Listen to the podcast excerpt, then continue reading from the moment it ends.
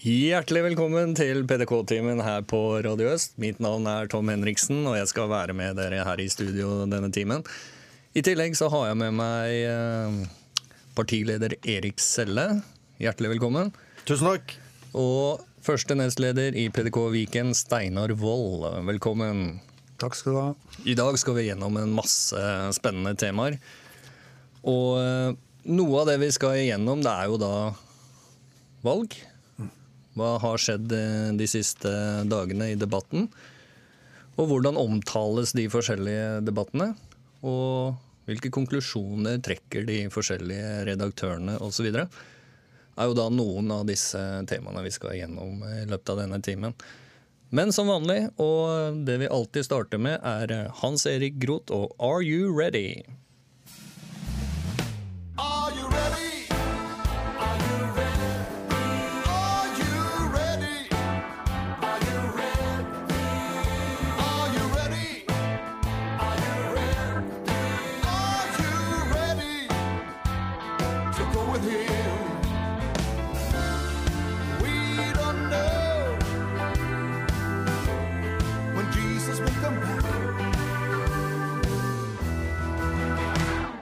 You know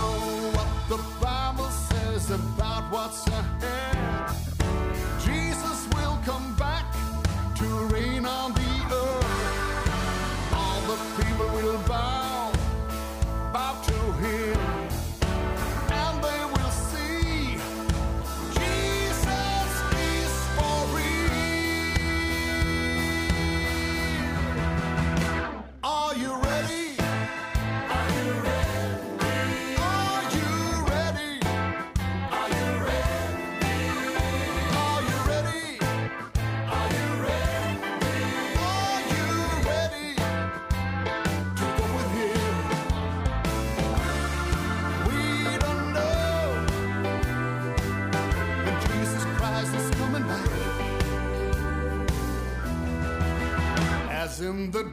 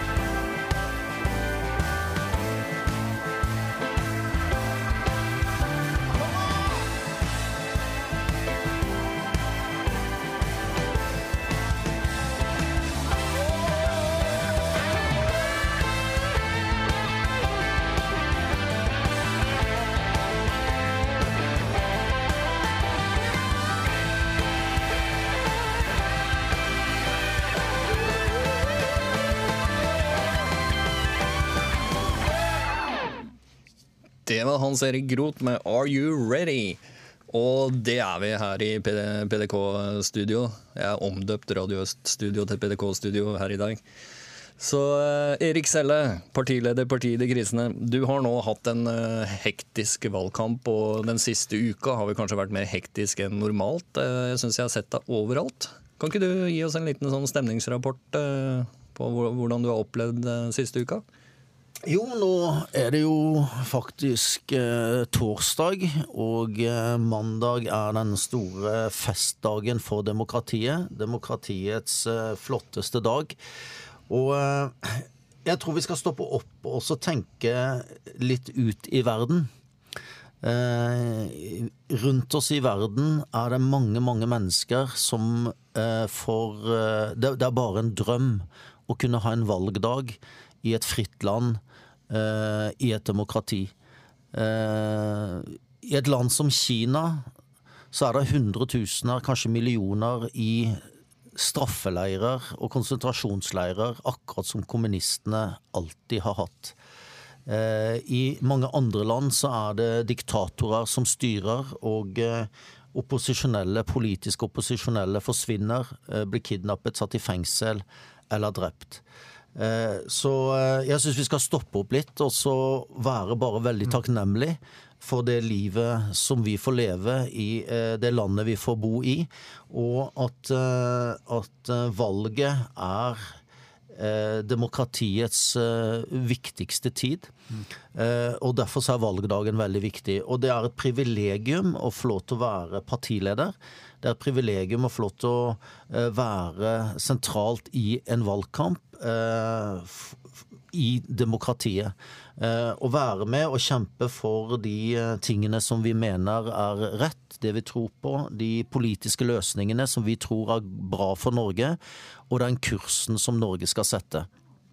Så det, det tenker jeg på hvert eneste valg, for jeg har, jeg har jobbet hele mitt liv ute i verden. Jeg har vokst opp i land hvor, eh, hvor valg ofte blir ført med bomber og granater istedenfor leserinnlegg og, eh, og debatter.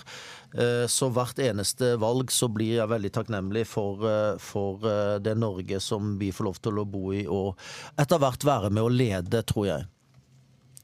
Og så eh, Sol skinner jo her i Råde også i dag, og jeg føler at sola har skint i hele valgkampen. jeg. Syns det har vært blå himmel og solskinn egentlig hele valgkampen. Eh, og eh, den siste uken er, er ikke annerledes. Eh, Vi hadde en festdag på Gjøvik i går, og, og det er jo et eventyr å drive valgkamp. Og for å være Den ene dagen er du i Båtsfjord i Finnmark, og neste dag er du kanskje på eh, Lista, ikke sant. Og så er du på Gjøvik, og så er du i Sogn og Fjordane. Og vi har altså et helt fantastisk vakkert land. Eh, og, og det som, eh, som, som jeg syns er så spennende med å drive valgkamp, det er jo først og fremst det å få møte vanlige mennesker. For ofte så eh, ikke sant, Du har redaktører, du har journalister, du har eh, pastorer som eh, ikke vil ha alle med i debatter, og du har masse sånn. Og så kommer du ut og møter vanlige mennesker. Eh, og når jeg ser på det som skjer på Stortinget, og når du ser på liksom eh, ledelse og elite, så, så kan vi miste håpet noen og enhver, tror jeg. Men når jeg kommer ut og møter folket, det norske folk og vanlige mennesker, da får jeg så troen på Norge igjen. Eh, og, og det er vel kanskje vårt store prosjekt, at eh, vi må revitalisere demokratiet. Jeg skal gi et eksempel. Når Norge har sagt nei til EU to ganger, og vi har fortsatt eh, eh, et storting hvor flertallet er for EU. Og, eh, og vi har en EØS-avtale som aldri hadde gått gjennom i en folkeavstemning. Så betyr det for meg at eh, vi har fått et politisk system hvor partiene har fått mer makt enn velgerne. Eh, og det, må, det, det skal bli vårt prosjekt. At folk, altså velgerne får mer direkte innflytelse på hvem som leder landet. Um, Litt spennende du sier det, fordi jeg hadde en diskusjon på Twitter i går med en del velgere som da spurte eh, hva skal jeg gjøre? Jeg trodde de andre partiene skulle fjerne f.eks. NRK, da. Og det gikk jo over til å bli en eh, over skatteseddelen istedenfor en egen avgift. Og de var kjempeskuffa. Hvorfor skal jeg gidde å bry meg om demokratiet? Helt riktig. Og så sier jeg som deg, at dette her, det, det må vi gjøre noe med. Partiene må miste makta, og personene må få større innflytelse. Og kanskje dem som stiller til valg, skal få lov å velge hvilken plattform de ønsker å stille til valg på, framfor at det er toppstyrt fra et parti. Og da så jeg det begynte å lyse i øynene, for da har du direkte innflytelse. Ja, altså, Hvis vi tar en liten runde på det med, med, med, med demokratiene altså, USA er jo en republikk. Det er forskjell på republikk og parlamentarisme, f.eks. Det kan vi ta i et annet program. Men for å oppsummere, så nordmenn de ser eh, litt nedlatende på Amerika. Det er det verste jeg vet. Det er arrogante europeere. For USA har vært fyrtårnet for demokrati og frihet, og, og modellen for andre land i verden som prøver å finne demokrati og frihet. Eh, I USA er det to partier. Det er riktig.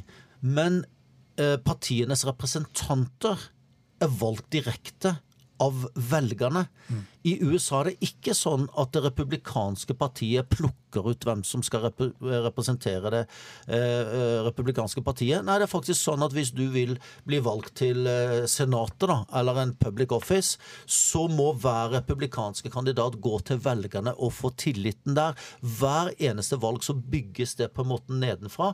Så kan du si at eh, ja, ok, det, har blitt, eh, det er mye penger og involvert og sånn. Det er greit. Men, men prinsippet Eh, som ligger til grunn, er at hver eneste folkevalgt i USA må vinne et, eh, stemme sitt distrikt. Mm. Mens i Norge så er det sånn at partiene nærmest utpeker hvem som skal stå på listene. Og det så vi jo i Frp i Buskerud, eh, eh hvor, eh, hvor, det var 40 stykker i Frp som egentlig omgjorde hele listen hvem som skulle stille. Og da har de gjort det sånn at det er Nå er det folk som har kritisert meg, for de sier at ja, men vi kan stryke og kumulere på stortingsvalget. Ja, dette valget er første gangen jeg har sett de har lagt ut en penn i et stortingsvalg siden valget i 2005.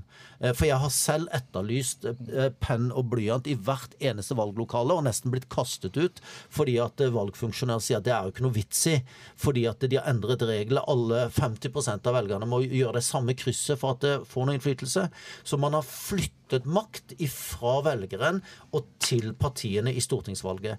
Det er ikke slik å kommune- og fylkesvalget, for der vil Lise på fjerdeplass, som får flere kryss enn Per på andreplass, faktisk komme inn, med mindre man har kumulert topplassene. Så det er den enkleste veien tilbake igjen å endre loven, lovendringen fra 2003. Og, og det er jo det vi ser at det er så mange lovendringer som har gått i feil retning, både under rød-grønne og denne borgerlige regjeringen. Eh, og, og, det må vi reversere. Og så sier folk ja, men dere er nei-parti. Ja, jeg er nei til, eh, til, til, mindre ytringsfrihet, da. Jeg er nei til mindre trosfrihet. Jeg vil ha mer ytringsfrihet. Jeg vil ha mer trosfrihet. Jeg vil ha mer makt til velgeren. Jeg, vi vil flytte makten fra toppen og ut igjen der den skulle være. Og det får jeg så energi på å reise rundt i Norge. Folk sier jeg har vel sovet hjemme kanskje fem-seks netter de siste seks ukene. Og folk spør er du, er du ikke sliten. Jeg var på Gjøvik i går, og folk kom og er du ikke sliten. Du, jeg har lagt ut et nytt sted omtrent hver dag siden 31. juli. Men jeg får så energi. Jeg får så utrolig energi av eh, å, å, reise rundt og prate med, med, vanlige velgere og vanlige nordmenn. For da skjønner jeg at vi har en jobb å gjøre i Oslo, på Stortinget, fordi at vi har fått en, eh, vi har fått en gruppe mennesker som sitter med makt de ble valgt inn på Stortinget som 23-åring. Eh, ble statssekretær som 25-åring mens de burde fullført eh, mastergraden sin et eller annet sted. Og, og nærmest opplever det som en rettighet. Ikke sant? Altså Når du har vært baker i 20 år, så tenker du at ja, men det er jo baker jeg er. Selvfølgelig baker jeg boller, det er jo det som er jobben min. Eller bilmekaniker, eller, eller et eller annet. Men du kan ikke komme dit som politiker. Du må aldri komme dit som politiker at du sitter på Stortinget og tenker ja, men det er jo politiker jeg er. Mm. Selvfølgelig sitter jeg på Stortinget. Det er jo livet mitt. Det er jeg, jeg fortjener å sitte her. Nei, hvert eneste valg skulle være sånn at man måtte fortjene tilliten igjen. Riktig. Og da måtte man fortjene den ikke fra partiet, men fra velgerne. Mm. Eh, og det, det er vårt nye store prosjekt. Men jeg må si, jeg var jo Og derfor så skal du ikke sitte hjemme på gjerdet i dette valget her sånn. Du skal gå ut og stemme for et økt demokrati. Riktig. Fordi det du sier nå, hvis vi ikke deltar i valget, så går vi i feil retning enda lenger enn det vi allerede har Ja. gjort. Derfor er din stemme helt avgjørende. Helt riktig. Og høy valgdeltagelse er et tegn på at demokratiet lever. Så det å bruke stemmeretten sin og vise høy valgdeltagelse, og tenke selvstendig, tenke utenfor boksen, og virkelig se seg rundt og si hvordan, altså Hvis jeg hadde fortalt min farfar hvis jeg kunne gå tilbake i tid og fortalt min farfar hvordan Norge i 2021 er, så hadde han ikke, eh, hadde han ikke trodd det. Rett og slett. Eh, Så høy valgdeltakelse er viktig, og det å stemme på partier som vil revitalisere demokratiet, er viktig.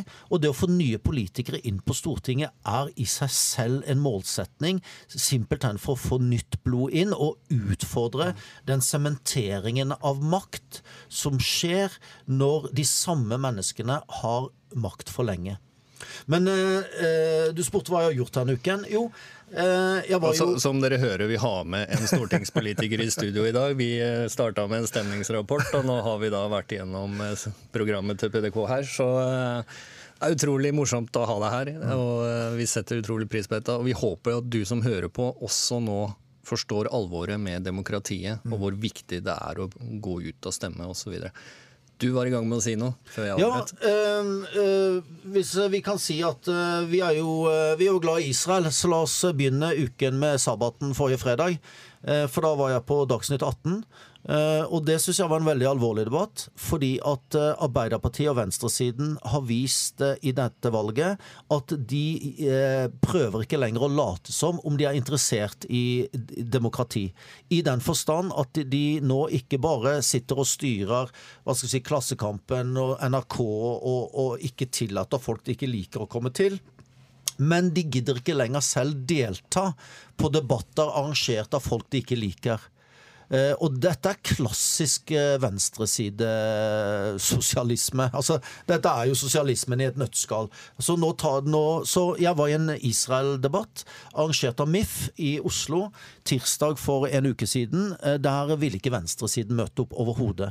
De er så arrogante. Nå tror de at de skal vinne valget, så da gidder de ikke møte opp og debattere med folk de ikke liker. Selv om, og, og jeg skjønner at ikke de møter, for de tar feil i absolutt alt i utenrikspolitikk. Eh, og det er lett å avkle. Eh, og så eh, ble jo da en sak at eh, på siste I dag er det torsdag, eh, mandag som var, så var det da en debatt i, på Visjon Norge. Eh, hvor Arbeiderpartiet takket nei. Og Dette ble jo da en stor sak. Endte i Dagsnytt 18 forrige fredag. Eh, og Da ringte de meg, og da er altså argumentet fra eh, Arbeiderpartiet at eh, de mener at Visjon Norge utnytter sårbare mennesker. Eh, og at eh, en eller annen predikant hadde sagt et eller annet en gang som ikke Arbeiderpartiet liker. Eh, og så sitter da Arbeiderpartiets representant og på Arbeiderpartiets kanal, NRK, som får seks milliarder i året av dine og mine skattepenger. Eh, Og dette inkluderer eh, sårbare mennesker også.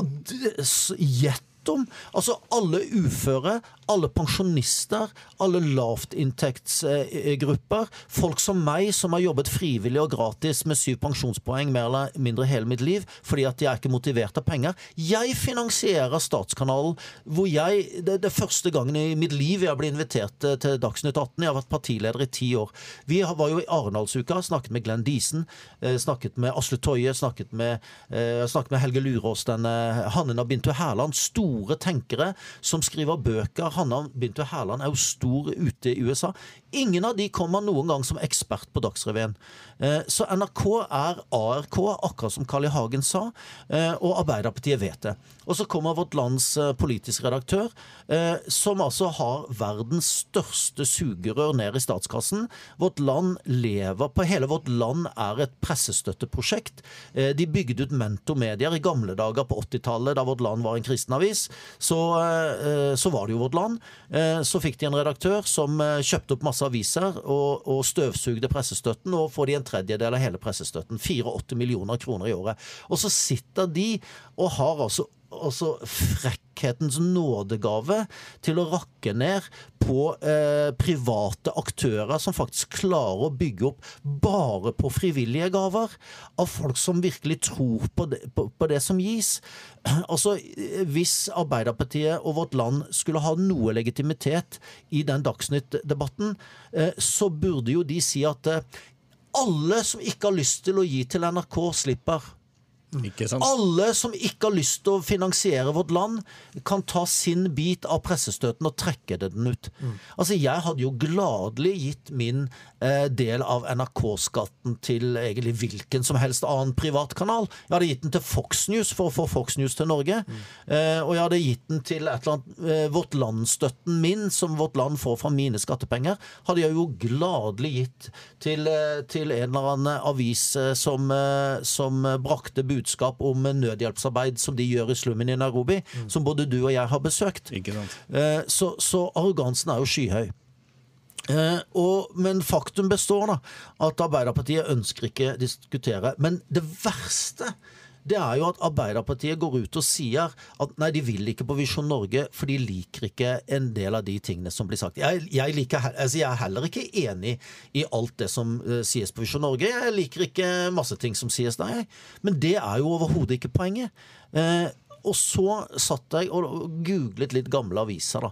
For det er altså ikke lenger tilbake enn siden Jens Stoltenberg at han hadde flere statsråder i sin regjering som var altså aktive kommunister, som støttet Pol Pot, og dermed kommunistiske massemyrderier. Og Jens Stoltenberg ble spurt om dette. Er det ikke et problem for deg å ha en kommunist, kommunister i, som statsråder?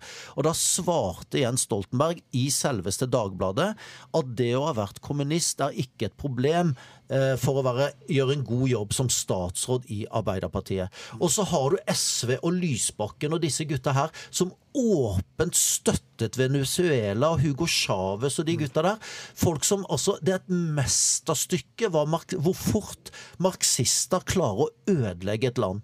Økonomien, friheten og alt. Så her sitter altså venstresiden med, med, med så mye radikale uttalelser som, som er helt forferdelige. Kommer unna med det. Aldri et spørsmål i Dagsrevyen.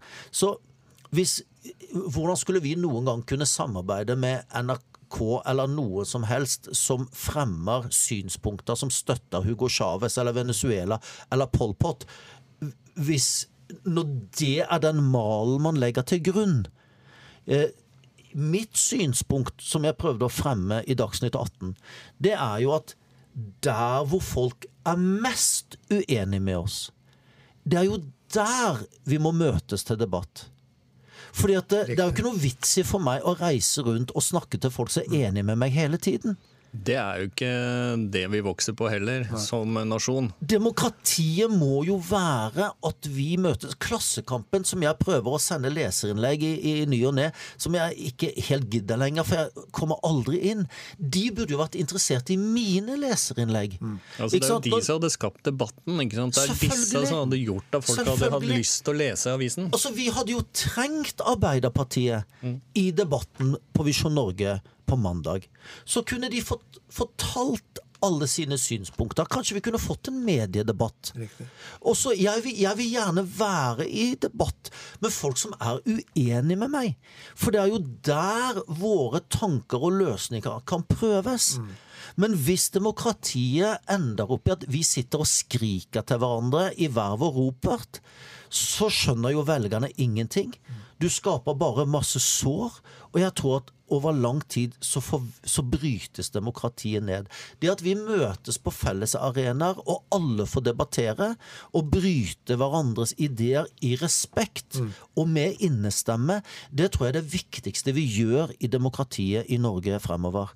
Og det er mitt, mitt, liksom, mitt hjertesukk, for jeg vet ikke hvor mange som egentlig hører på meg på venstresiden, men mitt hjertesukk er jeg, Vi har som policy at vi takker ja til alle debatter hvor vi blir invitert. Om det er til Klassekampen vi, Vet du hva, vi var i eh, debatt i en moské eh, forrige fredag, og de var jo kjempepositive til PDKs politikk.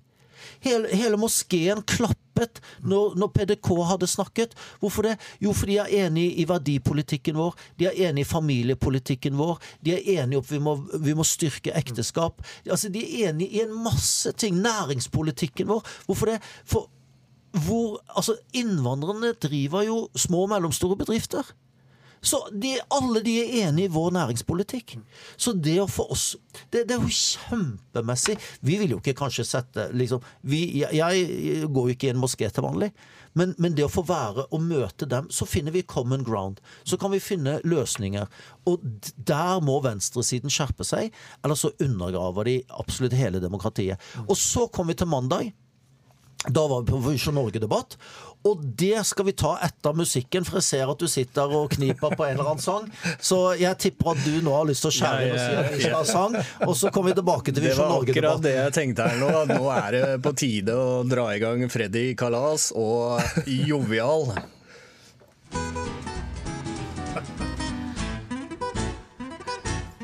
Eller Gitarkameratene. Jeg trenger ikke båt. Følger ikke strømmen, det har jeg ikke tid til. Lever her og nå, lever illegal. Er jo bare jo-jo-jo-jovial. Jeg trenger ikke båt, penger og biler. Følger ikke strømmen, det har jeg ikke tid til. Lever her og nå, lever illegal. Er jo bare jo-jo-jo-jovial. Når himmelen er grå, så smiler jeg bredt. Smaken på livet holder meg mett. Rumeneren i byen har aldri vært frekk. For jeg er bare jovial. Om regninga er for høy. Jeg driter i om naboen lager støy. Jeg føler meg bra. Samme hva de sier, er jeg alltid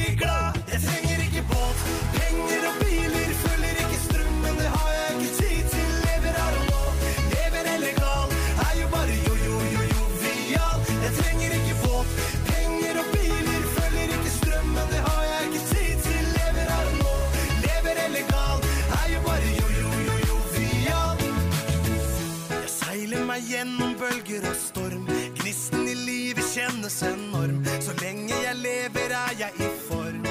For jeg er bare jovial. Jeg bryter av meg lenkene og blir fri. Jeg klarer ikke la det gå forbi. Jeg føler meg vill.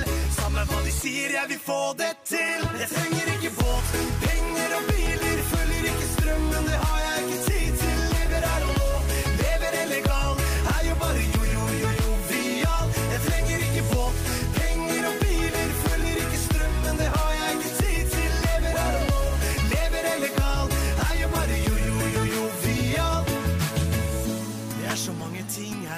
livet. Ting du burde snu til det fine.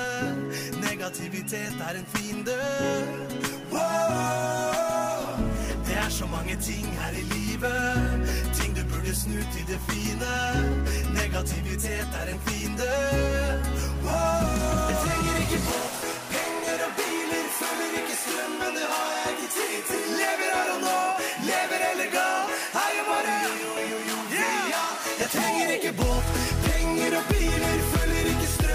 strømmen,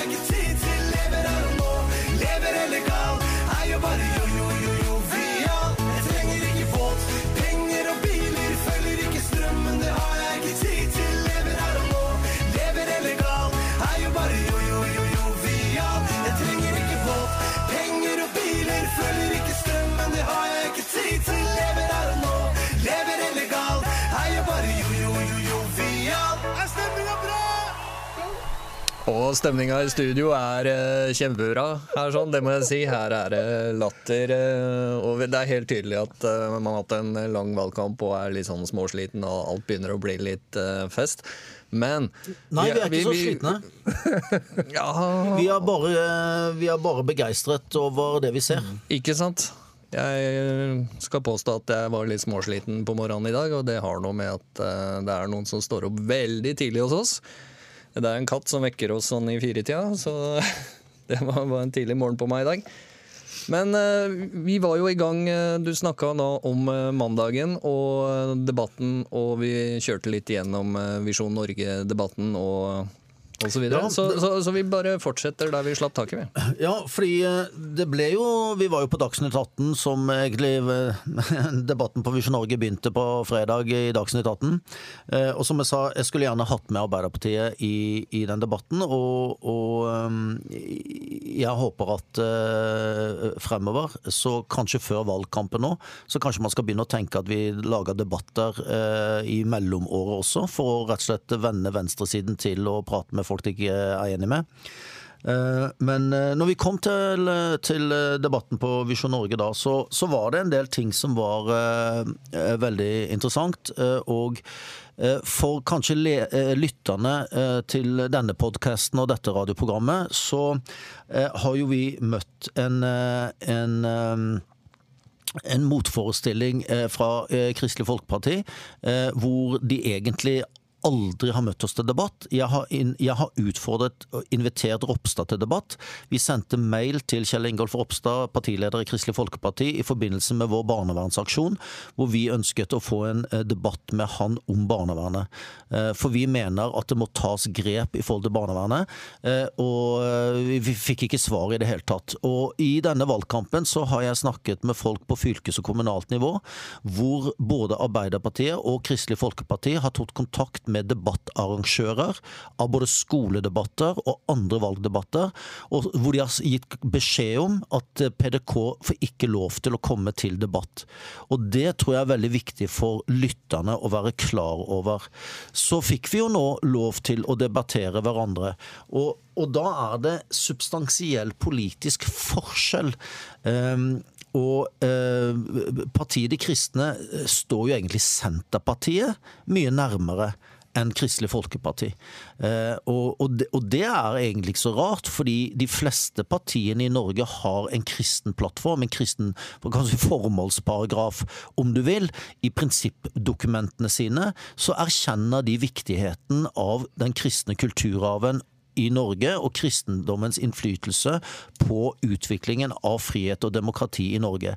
Det er jo liten tvil om at en bauta i norsk historie som Hans Nilsen Hauge hadde ekstrem betydning og innvirkning på utviklingen til det punktet hvor vi fikk parlamentarisme.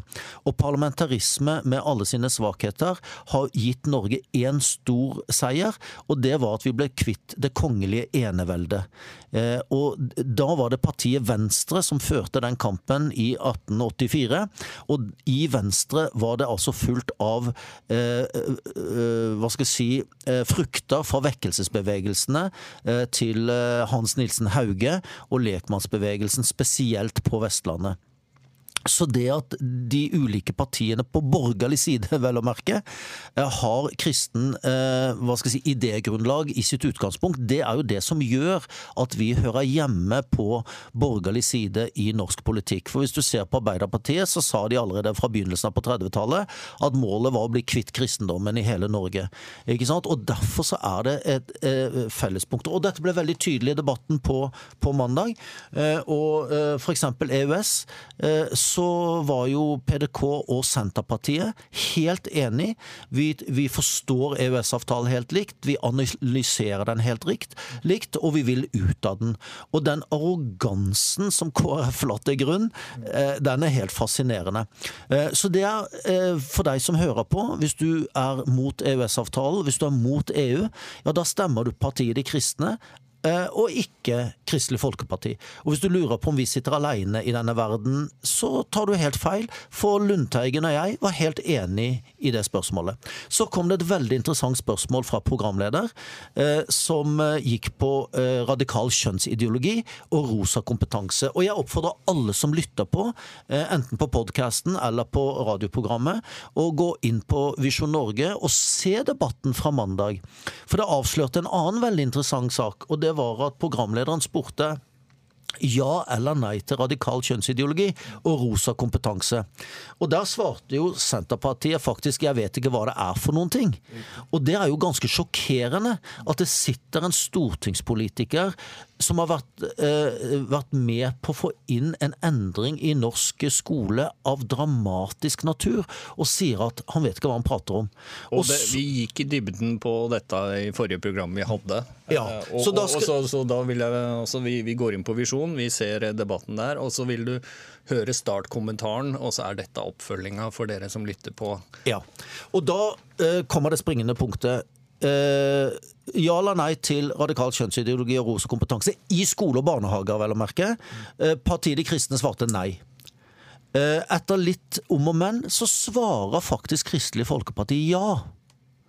Og det kan alle gå inn og høre selv. Og vi lager nå, jeg har fått lov av Visjon Norge til å ta det kuttet og, og vise at, at vi rakker ikke ned på KrF. De må få lov til å stå for det de mener. Det har jeg full respekt for. Men eh, det er ikke sånn at PDK ødelegger for KrF eller stjeler stemmer fra KrF fordi at eh, vi kjemper for Vi mener at det er feil med radikal kjønnsideologi i barnehager og skoler. Og det ble veldig tydelig. PDK sa nei. Vi vil ikke ha det. KrF sa ja, de vil ha det. Og det som er problemet, det som jeg opplevde på Visjon Norge på mandag kveld i debatten med Høyre, med Senterpartiet og Kristelig Folkeparti spesielt, det var at eh, jeg vet ikke helt om de selv vet hva de er for eller mot lenger. Fordi at eh, ting som burde vært helt åpne i dagen, pakkes inn i så mye støy og bomull og innskutte bisetninger at egentlig så skal du være ganske dreven for å få tak i hva er det egentlig de mener. Hva er det egentlig, hva er det egentlig de har sagt og gjort på Stortinget? Eh, Jeg snakket med en journalist i Dagens Næringsliv som sa at eh, PDK er det nye, gamle Høyre. Ja, jeg var unge Høyre-medlem på 80-tallet. Jeg var aktiv i Høyre i årtusenskiftet. Og jeg gikk ut av Høyre, for det er ikke konservativt lenger. Jeg er like konservativ eh, og, og eh, står for de samme verdiene som jeg gjorde på 80-tallet som unge Høyre, hvor Kåre Willoch var den store politiske ledestjernen. Så snudde Kåre Willoch fullstendig. Og det gjorde Høyre.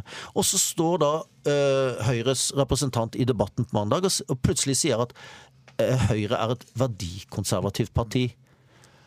Altså, det, det, det, man, bare, man bare lirer det av seg, da, og, og tror man kommer unna med det. Men jeg tror at folk, min opplevelse av valgkampen, det er at folk har begynt å tenke er det faktisk sånn at de gjør på Stortinget det de sier i valgkampen? Og han eh, Grøvan, i, eh, folkevalgt på Stortinget for KrF, gikk ut åpenbart for å bufre mot PDK tidlig i valgkampen, og så sa han det at eh, KrF er mot radikal kjønnsideologi. Og så står Hans Olav Syversen på debatt på mandag på Visjon Norge og sier ja til det samme. Eh, og da må jo jeg spørre, hvorfor vil ikke KrF møte partiet De kristne til debatt, sånn at vi kan få klarhet i dette her? For jeg mener jo at det er samme for meg om de er for eller imot. Men la det være klart hva de er. Så kan vi fortelle hva vi er. Og så kan velgerne bestemme hva de vil ha. Ikke sant? Og, og litt i denne debatten da, så ser jeg jo ofte at det sies at um, PDK-ere burde støtte andre store kristne partiet. Så, så er det jo noe med dette som eh, du var inne på, Erik. Du kommer fra Unge Høyre, jeg kommer fra Unge Høyre. Vi har folk fra MDG, vi har folk fra Arbeiderpartiet, vi har folk fra Frp osv. Det ville aldri falle meg naturlig inn å gå til KrF hvis noe skulle skje med PDK. Altså, til det så er de altfor langt ute på sosialistisk side, for min del. Så den argumentasjonen i seg selv som kommer da fra redaktører og andre aktører, eh, som da liksom har en interesse, egeninteresse av at KrF fortsatt er stort, framfor det å forholde seg til hva som er virkelig og ikke, den er ikke reell. Og det syns jeg alle som eh, lytter til oss skal få vite, at eh, det er ikke naturlig for de fleste av oss i PDK å måtte gå til et annet parti som er sosialistisk, nettopp pga. verdigrunnlaget til PDK. Og det er jo det som har brakt oss sammen. Det er verdigrunnlaget vårt. Og eh, jeg tror det er utrolig viktig at man får fram forskjellene her nå, og at vi er tydelige på hvilke verdier vi ønsker å stå på. Eh, før vi går eh, videre og inn mot avslutninga, så kjører vi en låt til her nå. Da skal det være Gitarkameratene.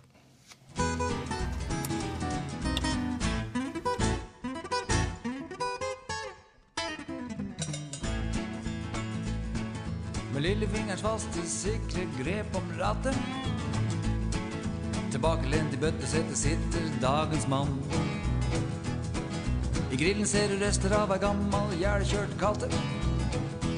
I antenna henger tenna til den beste far fra sand. Han kjører gammalamma, gammalamma, gammalamma, gammalamma, zoom. Gammalamma, gammalamma, gammalamma, gammalamma, zoom. Han har terninger foran og terninger bak. Hvis det rister mer nå, så får han ja til snart. Gjøre gammalamma, gammalamma, gammalamma, gammalamma, sol. Hjemme sitter mora hans og venter. Mens han vil være tøff og sjekke jenter, jenter, jenter. Han kjører fin på en halvtank herifra til Stavern. Et mål Wunderbaum i hanskerommet gir god duft. Han har olabukse, bukselinningen gått under navlen. Så hele rumpa lyser når han bøyer seg og fyller luft. Han kjører gammalamma, gammalamma, gammalamma, gammalamma, zoom.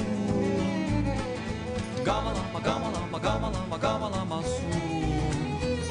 Han har juletre foran og juletre bak. Går det fortere nå, så ser han engler snart. Kjører gammalamma, gammalamma, gammalamma, gammalamma, zoom. Hjemme sitter mora hans og venter. Men han vil være tøff og sjekke jenter,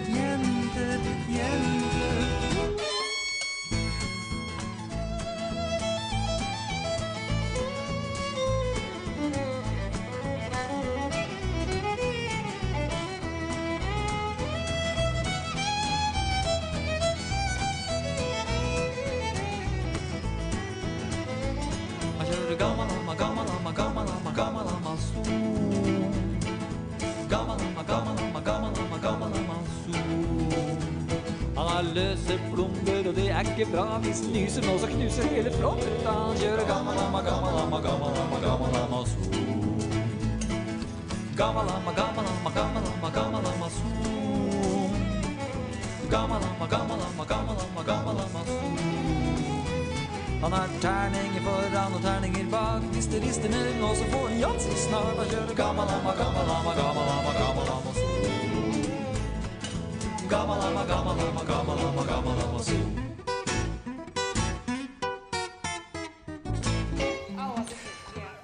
Du hører på eh, PDK-timen her på Radio Øst. Mitt navn er Tom Henriksen, og i studio har i dag hatt med oss Erik Selle, partileder, og Steinar Wold, første nestleder i Viken. Vi eh, har nå vært litt gjennom noen stemningsrapporter, og vi har eh, dratt en del saker for hvorfor vi mener det er så viktig å bruke stemmeretten sin i dag. Og Erik, du hadde litt mer på hjertet rundt dette med hvordan man ser valget da, fra de forskjellige aviser og meninger og redaktører og Ja. menigmann. Altså. Det, det som har vært um, interessant i, i å observere, i hvert fall fra PDK sin side, det er jo at um, Det er jo fascinerende eh, med en avis som Vårt Land, som ikke skriver et eneste ord om PDK mellom hvert valg. Eh, Vi sitter med tolv folkevalgte i Kommune-Norge. Eh, Vi kom inn på et fylkesting. Eh, Vi har tatt grep i forhold til barnevernet. Vi har dialog med store organisasjoner. Eh, Vi, vi syns ganske mange steder. Vi har et internasjonalt nettverk. Eh, Partiet De kristne er klar til å komme i posisjon hvis vi får tillit fra velgerne. Vi har et internasjonalt nettverk på politisk nivå. Vi har et nettverk blant med, med, med både kristne og jeg vil si muslimske land, som jeg, et nettverk jeg selv har bygget opp og ivaretatt, som, som heier på partiet De kristne, faktisk. Eh, Så, så vi er fullstendig klar til å ta ansvar. Eh, Og så begynner jo valgkampen med det jeg vet kommer. Det er en drittpakke fra vårt land. Da får de en humanetiker som er frilansjournalist til å skrive noe dritt om vårt land. Og, eh, nei, fra vårt land. Og måten de gjør det på De forteller leserne etterpå at PDK har fått god anledning til å svare. Men jeg skal fortelle deg som lytter på hvordan vårt land opererer. Eh, Jeg får eh, en mail med at de jobber med en sak. Eh, noen temaer. Eh, Har du en kommentar, eh, maks to setninger per kommentar. Jeg aner ikke helheten. Jeg vet egentlig ikke hva som kommer. Du svarer litt i blinde. Og dermed så er du litt i, i, i handikap hver gang. Eh, og eh, når de så lot en sentralstyremedlem i KrF følge opp med en ny drittpakke, og vi skulle svare, så fikk vi ikke svare engang. Da måtte vi kjøpe en helside i Vårt Land eh, for å få det svaret. Og så eh, har vi Dagen.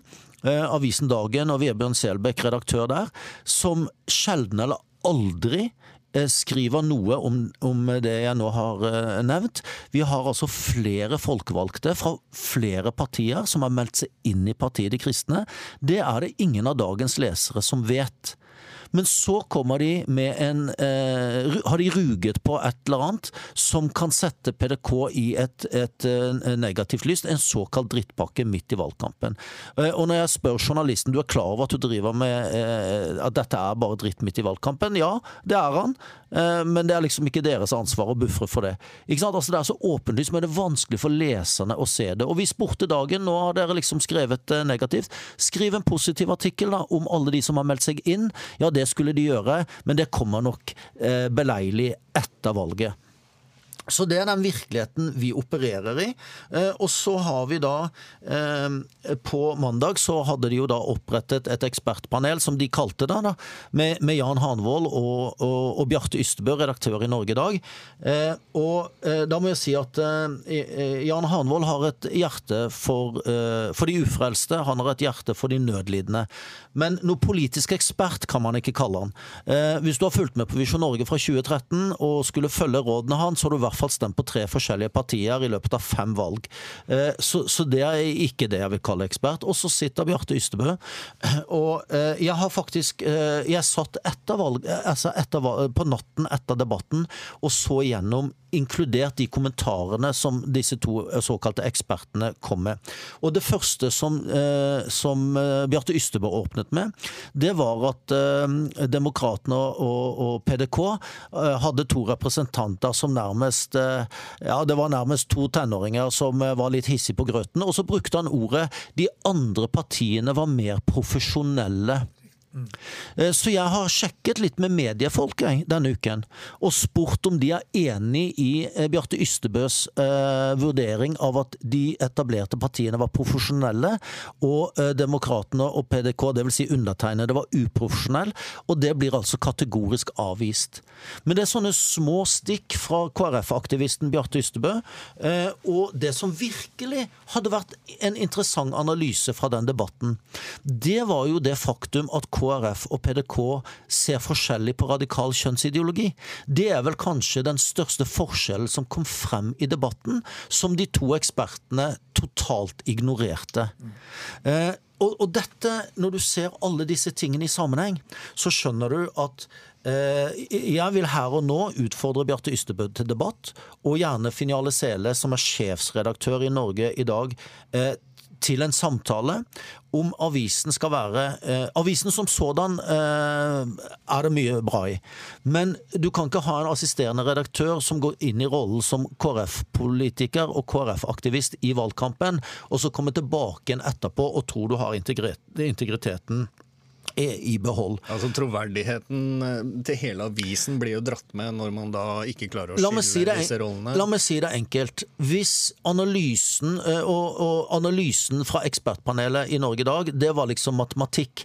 Eh, da fikk seerne få høre fra Bjarte Ystebø at det var ingen matematisk mulighet for PDK og Demokratene å komme inn på Stortinget i 2021.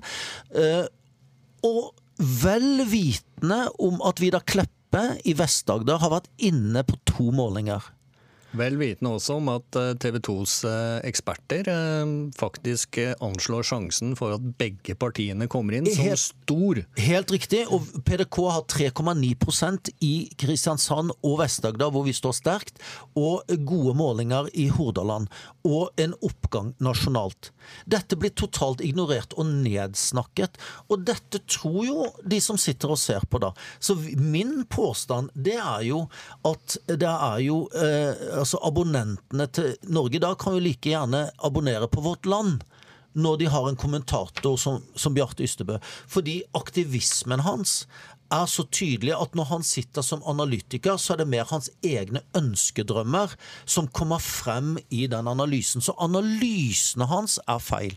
Og, og, og jeg må jo få lov til å si at, eh, at eh, Oslo Symposium var det jeg som startet i sin tid, eh, i 2011. Og det var jeg som inviterte Bjarte Ystebø til å lede Oslo Symposium, og han er veldig flink, Bjarte, på veldig mange ting.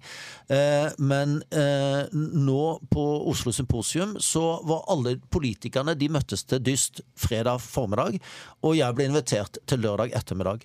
Og medarbeidere kom til meg og sa at eh, Oslo Symposium har jo blitt en arena for KrF-aktivisme i valgkampen, og det var ikke den visjonen som Oslo Symposium hadde.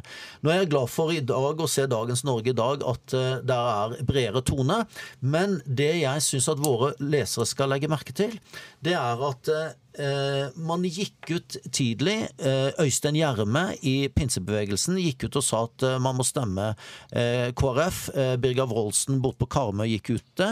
Og så lenge de pastorene gikk ut og sa at vi må stemme KrF, så var det ingen problematisering av dette i Norge i dag. Så var det syv, jeg tror det var syv pastorer som gikk ut og støttet PDK, og nå ser jeg i dette nummeret at det har blitt et stort eh, debatt om pastorer skal ha politiske meninger. Det kom først når pastorer hadde fått nok av KrF-aktivismen og gikk ut og støttet PDK, noe som helt, eh, er helt Altså, naturlig. det er, igjen, vi er inne på det politisk korrekte. Vet du. Så lenge du er innenfor det vi mener er riktig, så, så er det greit.